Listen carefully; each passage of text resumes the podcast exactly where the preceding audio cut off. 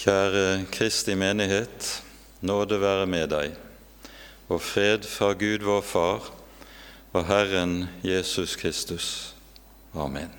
La oss be.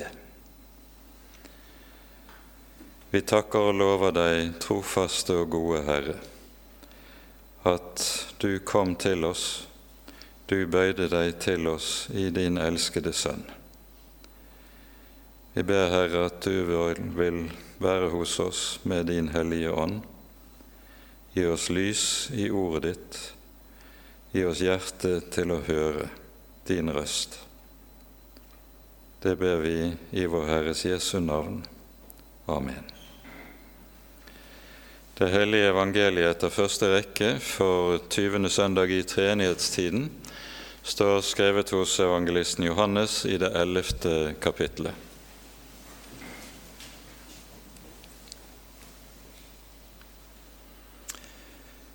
Det var en mann som var syk, Lasarus fra Betania, byen som Maria og hennes søster Martha bodde i. Det var Maria som salvet Herren med salve og tørket føttene hans med sitt hår. Det var hennes bror, Lasarus, som var syk. Søstrene sendte nå bud til ham og sa, Herre, se han du elsker er syk. Men da Jesus hørte det, sa han, denne sykdommen er ikke til døden, men til Guds ære, for at Guds sønn skal bli æret ved den. Jesus elsket Martha og hennes søster og Lasarus. Da han nå hørte at han var syk, ble Jesus likevel enda to dager på det sted der han var. Dette var ordene, Hellige Far. Hellige oss i sannheten. Ditt ord er sannhet. Amen.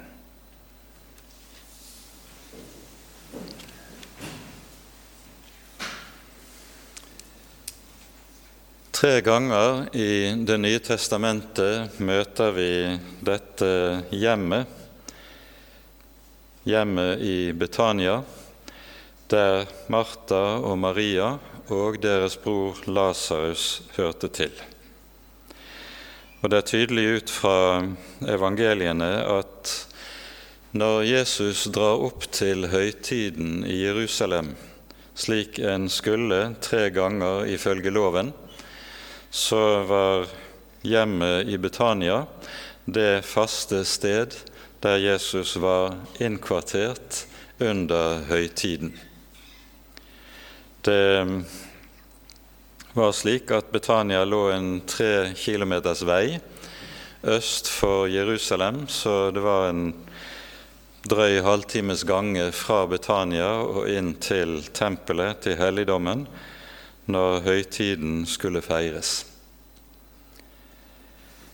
Og antagelig har dette hjemmet vært eh, relativt velstående slik at det ikke bare Jesus selv, men også disiplene har fått plass og til å kunne huses der. Vi hører jo også i forbindelse med at Maria salver Jesu hode og Jesu føtter, at det gjøres et gjestebud for Jesus der både disiplene og hele landsbyen er til stede så de må ha hatt det relativt rommelig. Dette hjemmet, I dette hjemmet er Jesus velkommen. Vi hører i Lukasevangeliet om hvordan Jesus besøker hjemmet, og ved denne anledning er det Maria setter seg ved Jesu føtter for å høre hans ord. Og det er jo slik i beretningen de tre gangene vi hører om disse i evangeliene, så er det slik at alle tre ganger møter vi Maria ved Jesu føtter. Hun sitter ved Jesu føtter i Lukas 10, lytter til Jesu ord når Lasarus er død, slik som vi hører det senere i 11. kapittelet her, og Jesus kommer, så hører vi Maria falle ned for Jesu føtter med sin bønn, med sin sorg. Og så til slutt, i det tolvte kapittelet her i Johannesevangeliet, hører vi om salvingen, der hun ved Jesu føtter også salver hans føtter. Dette sier utrolig mye om Maria og hennes Guds frykt og hennes nære forhold til Jesus. Men her møter vi altså et hjem der Jesus er meget, meget velkommen. Og det understrekes to ganger i teksten vi har lest, at Jesus elsket disse tre Martha, Maria og Lasarus. De har helt tydelig hatt en særlig plass i Jesu eget hjerte. Og med dette så ledes sporet inn på talen om det kristne hjem. Det kristne hjem er et hjem der Jesus ikke bare er velkommen, men også stadig skal få bo. En overskrift over det kristne hjemmet som ofte har vært anvendt også til, i mang en vigselstale, finner vi i Josvas ord, i hans avskjed, slik vi hører det i Josva-bokens 24. kapittel.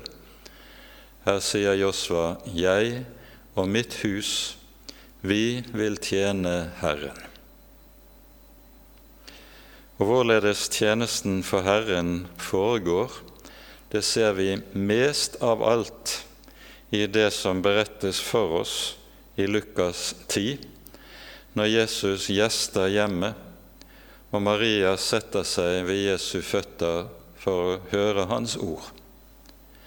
Her er det Jesus sier når Martha vil ha Maria med seg i sin travle tjeneste så er det Jesus sier ett, ett er nødvendig. Maria har valgt den gode del, og den skal ikke tas ifra henne. Maria har valgt. Med dette så pekes det på en prioritering som er helt avgjørende en prioritering som handler om hvilken plass Guds ord skulle ha i dette hjem. Maria satte seg ved Jesu føtter for å høre hans ord. For saken er den når Josva kan si slik som vi hører det, 'Jeg og mitt hus, vi vil tjene Herren', så kan det bare skje Det kan utelukkende skje der Jesus får rom der han får tale, der han får bli hørt. Og hjemme er det tale om et spørsmål om prioritering. I våre dager er det helt avgjørende, tror jeg, at dette minnes om og understrekes, idet det ser ut til å bli et voksende problem at det kristne hjem sekulariseres. Tidligere så kalte man de kristne for lesere. Dessverre er det blitt slik at i mangt et kristent hjem er det i stedet blitt slik de kristne er blitt seere. TV-en tar langt større plass enn det Guds ord får i hjemmet. Noe som har ødeleggende virkning inn i hjemmet og ikke minst i forhold til barna og den barneoppdragelsen som skulle få gjelde. Når det gjelder hjemmet i Skriften, så har vi et helt sentralt ord om dette i 5. Mosebok i det sjette kapittel. Her er det vi hører Herren tale til Israels folk, disse ord som kom til å bli Israels trosbekjennelse som lyder slik.: Hør, Israel, Herren vår Gud, Herren er én. og du skal elske Herren din Gud av hele ditt hjerte og av hele din sjel og av all din makt. Disse ord som jeg byr deg i dag, skal du gjemme i ditt hjerte. Du skal innprente dem i dine barn. Du skal tale om dem når du sitter i ditt hus, når du går på veien, når du legger deg, når du står opp.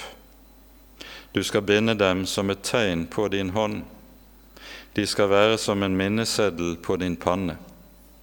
Du skal skrive dem på dørstolpene i ditt hus og på dine porter.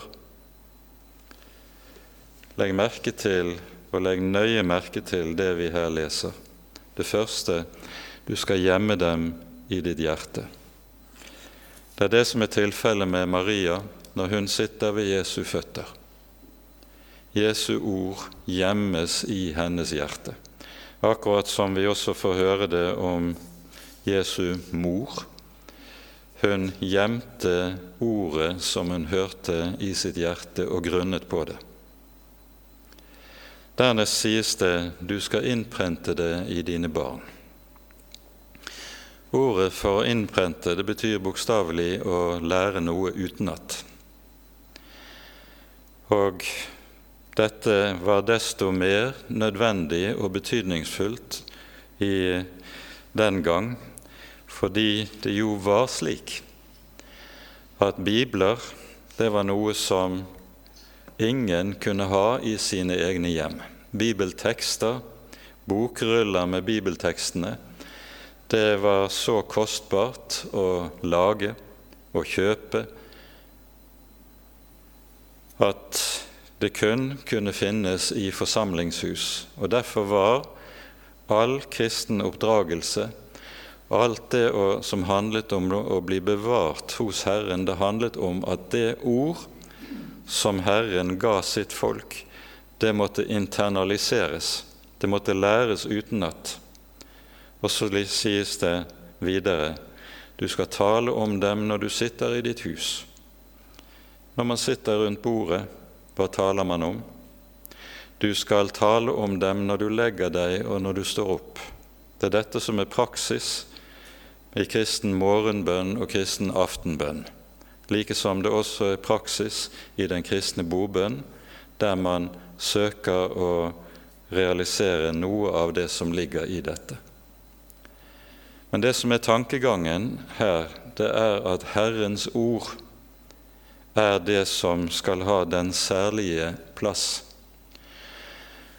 Og Når dette understrekes sånn som vi gjør det her, så er det også i møte med en tankegang som dessverre i stor utstrekning har fått innpass i de siste 30-40 årene i kristenheten hos oss.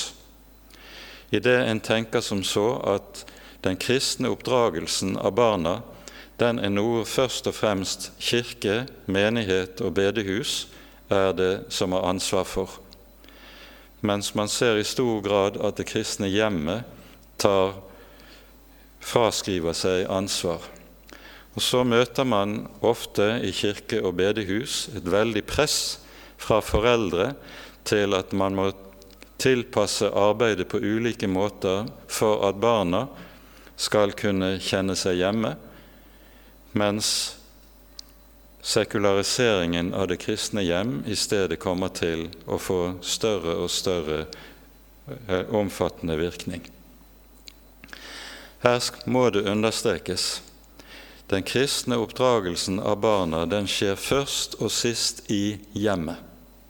Og så skal det være et samvirke mellom menighet og hjem, der de to supplerer hverandre. Hos jødene taler man om de to helligdommer, der synagogen, forsamlingshuset, er det ene sted, og der hjemmet er den annen helligdom. Det å lære å tenke om hjemmet som en helligdom, det er noe vi kunne ha meget å lære av og ta til oss. Og så lærer Skriften oss at alle ting helliges ved Guds ord og bønn. Og så er det Herrens ord og bønnen i hjemmet som i denne sammenheng er avgjørende. Dette er det kristne hjem, og slik er det vi skulle øve oss i å tenke. Og ikke minst trenger unge kristne i dag å få hjelp til å tenke slik når det gjelder sine egne hjem, når de skal etablere nye hjem. Dette er det første vi skulle understreke i forbindelse med dagens tekst. Og jeg tror det er av så avgjørende virkning at hvis dette ikke kommer til å få lov til å stå imellom oss, så vil vi meget fort komme til å oppleve noe av det samme som statistikk fra USA kan fortelle oss 80% av ungdom som vokser, er vokst opp i kristne hjem, faller fra troen. Det er skremmende tall, men det henger antagelig i meget høy utstrekning sammen med den sekularisering som skjer og har skjedd i mangt et kristent hjem. Det neste vi skal stanse opp for i dagens tekst, det er dette at vi hører om Lasarus' sykdom. Han er alvorlig syk, han er dødssyk. Og så sender Martha og Maria bud til Jesus. De sier til ham, 'Herre, se, ham du har kjær, er syk.' Dette er en bønn som tilsvarer ganske nøyaktig den bønn Maria, Jesu mor, kommer til Jesus med i forbindelse med bryllupet i Kana. Når det blir slutt på vinen i bryllupet, kommer Jesu mor og sier til Jesus de har ikke vin.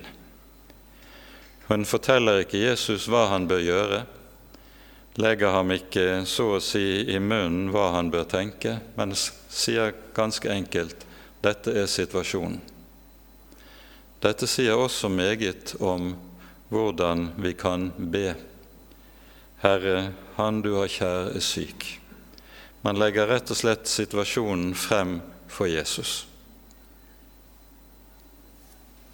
Jesus er to dagsreiser unna Jerusalem. Og eh, muligens er det slik at allerede når budet når Jesus, er Lasarus død. For det, vi hører at han enda drøyer to dager før han drar opp til Betania. Og i Betania får vi høre at Lasarus da har ligget fire dager i graven. Det første vi her skal merke oss, det er at når Jesus får denne bønnen, så svarer han ikke umiddelbart slik som søsknene hadde ønsket og hadde ventet det. Vi hører når han kommer, så sier Martha til ham, 'Herre, hadde du vært her, da var min bror ikke død.' Og når Maria sen, litt senere kommer ut og møter Jesus, så sier hun akkurat det samme. Herre, hadde du vært her, da var min bror ikke død. Jesus venter. Og så må søsknene gå gjennom den dype sorgen og se sin bror, som de helt tydelig er meget glad i, dø under sykdommen, gravlegges og bli liggende fire dager i graven. Jesus drøyer. Jesus venter. Og i dette ligger noe som også er grunnleggende for oss å minnes. I forbindelse med at Jesus vasker disiplenes føtter, og Peter protesterer, så hører vi at Jesus sier til Peter følgende.: Det jeg gjør, forstår du ikke nå men du skal forstå det siden. Sånn er det med mange ting som Herren gjør i våre liv. Det ser ut som han drøyer. Det ser ut som han ikke hører.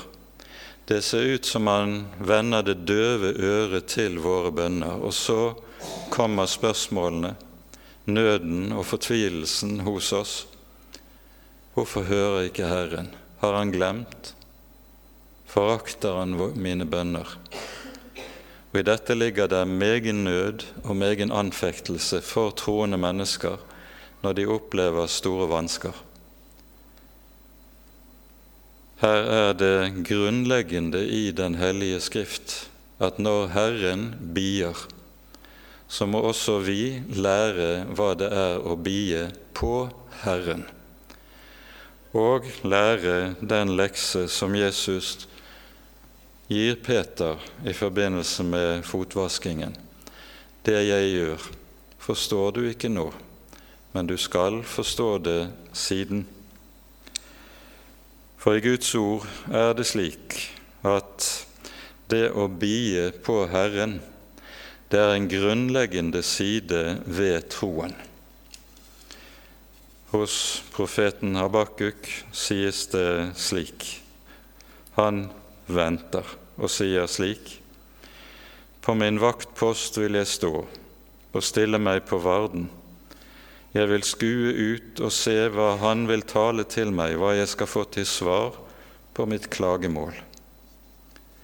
For ennå må synet vente på sin tid, men det haster mot enden og lyver ikke. Om det dryger, så vent på det, for komme skal det. Det er løftet. En har sagt det slik å bie på Herren. Ordet bie betyr å vente lenge og tilsynelatende forgjeves. Vi synes det er lenge når Herren drøyer, og så kan det se ut som alt er forgjeves. Men Han kommer, og Han kommer i sin time, og så skal vi forstå lover Herren Jesus oss.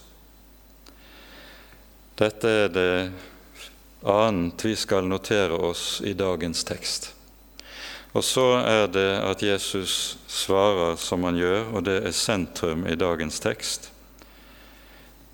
Han sier, 'Denne sykdom er ikke til døden, men til Guds ære', for at Guds sønn skal bli æret ved den. Og hvorledes denne ære, denne herliggjørelse, for det det ordet betegner i grunnteksten, denne herliggjørelse av Jesus, herliggjørelse av Guds sønn, skjer, det ser vi videre i kapittelet. Jesus står utenfor Lasarus' grav. Fire dager er gått. Det lukter av den døde. Og så sier han, 'Jeg er oppstandelsen og livet'. Den som tror på meg, skal aldri i evighet dø, og om han enn dør, skal han dog leve. Og så lyder det til Martha, 'Tror du dette?' Og hun svarer, 'Ja, Herre, jeg tror at du er Guds sønn, Messias.' Hun tror at Jesus er den han er. Men å gripe Jesu ord her, så store ord, der Jesus sier 'Han er oppstandelsen og livet', det ligger langt over henne. Og så er oppvekkelsen av Lasarus selve demonstrasjonen av sannhetsinnholdet i Jesu ord. Et hvilket som helst menneske kan kanskje si lignende ord, men det prøves på om det kan virkeliggjøres. Jesus står utenfor Lasarus' grav, roper inn i graven og roper inn i døden 'Lasarus, kom ut!' Og så kaller Jesu ord ham tilbake til livet. Jesu ord skaper liv av døde. Og så kommer han ut, ombundet med livsvøpe, og får, de får beskjed om å løse ham. Men han er løst allerede av dødens lenker. av Han som har seiret over død og grav, og ikke minst seiret over det som er dødens årsak, din og min synd. I dette ligger det som også understrekes for oss i dagens tekst. Det sies Jesus elsket. Jesus hadde Lasarus kjær. Jesus elsket Martha og Maria og Lasarus. Oppvekkelsen, helbredelsen, legedommen hviler ikke på Lasarus' kjærlighet til Jesus, men på Jesu kjærlighet til Lasarus. På Jesu kjærlighet til Martha og Maria. Og Dette lærer oss og minner oss om det grunnleggende at alle Herrens velgjerninger imot oss, det hviler ikke i hva vi er, ikke i vår fromhet, ikke i vår helliggjørelse, ikke i vår lydighet, men de hviler ene og alene i dette at Jesus har syndere kjær, og at Jesus er oppstandelsen og livet for syndere.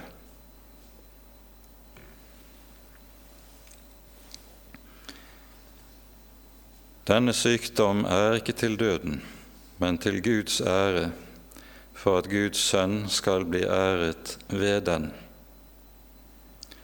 Din og min frelse ligger i at Guds sønn blir herliggjort. Og når Guds sønn blir herliggjort, da blir du og jeg frelst. For nettopp dette er Herrens gjerning når Han skal nå inn til deg og til meg. Da sender han sin ånd. Og hva er åndens gjerning? Jesus sier, 'Han skal herliggjøre meg'. For der Jesus blir stor for et menneske, der Jesus blir stor i et menneskes hjerte, der blir også et menneske frelst. Han skal herliggjøre meg, sier Jesus om Åndens gjerning. Og så lyder det fra profeten Jesaja om Han som bøyet seg så dypt ned til oss. For Han som taler slik og sier 'Jeg er oppstandelsen og livet', han er Guds sønn. Han er den som taler i det 66. kapittel hos Jesaja og sier følgende.: Så sier Herren, himmelen er min trone og jorden er en skammel for mine føtter. Hva slags hus kunne dere bygge meg, og hvor skulle det finnes et hvilested for meg? Alt dette har jo min hånd gjort, og slik ble alt dette til, sier Herren. Men den jeg vil se til, det er den elendige, og den som har en søndagknust ånd og er forferdet over mitt ord. Det er den Herren ser til. Bynavnet Betania betyr 'den elendiges' eller 'den nedbøydes hus'. Og så har Jesus kommet på besøk til den nedbøydes hus etter Guds ord og løfte. Den jeg vil se til, er den elendige den som har en nedbrutt ånd og er forferdet over mine ord. Ære være Faderen og Sønnen og Den hellige ånd, som var og er og være skal, en sann Gud, høylovet i evighet. Amen. Vi synger så nummer 627. Velsignet er det hjem forvisst. 627.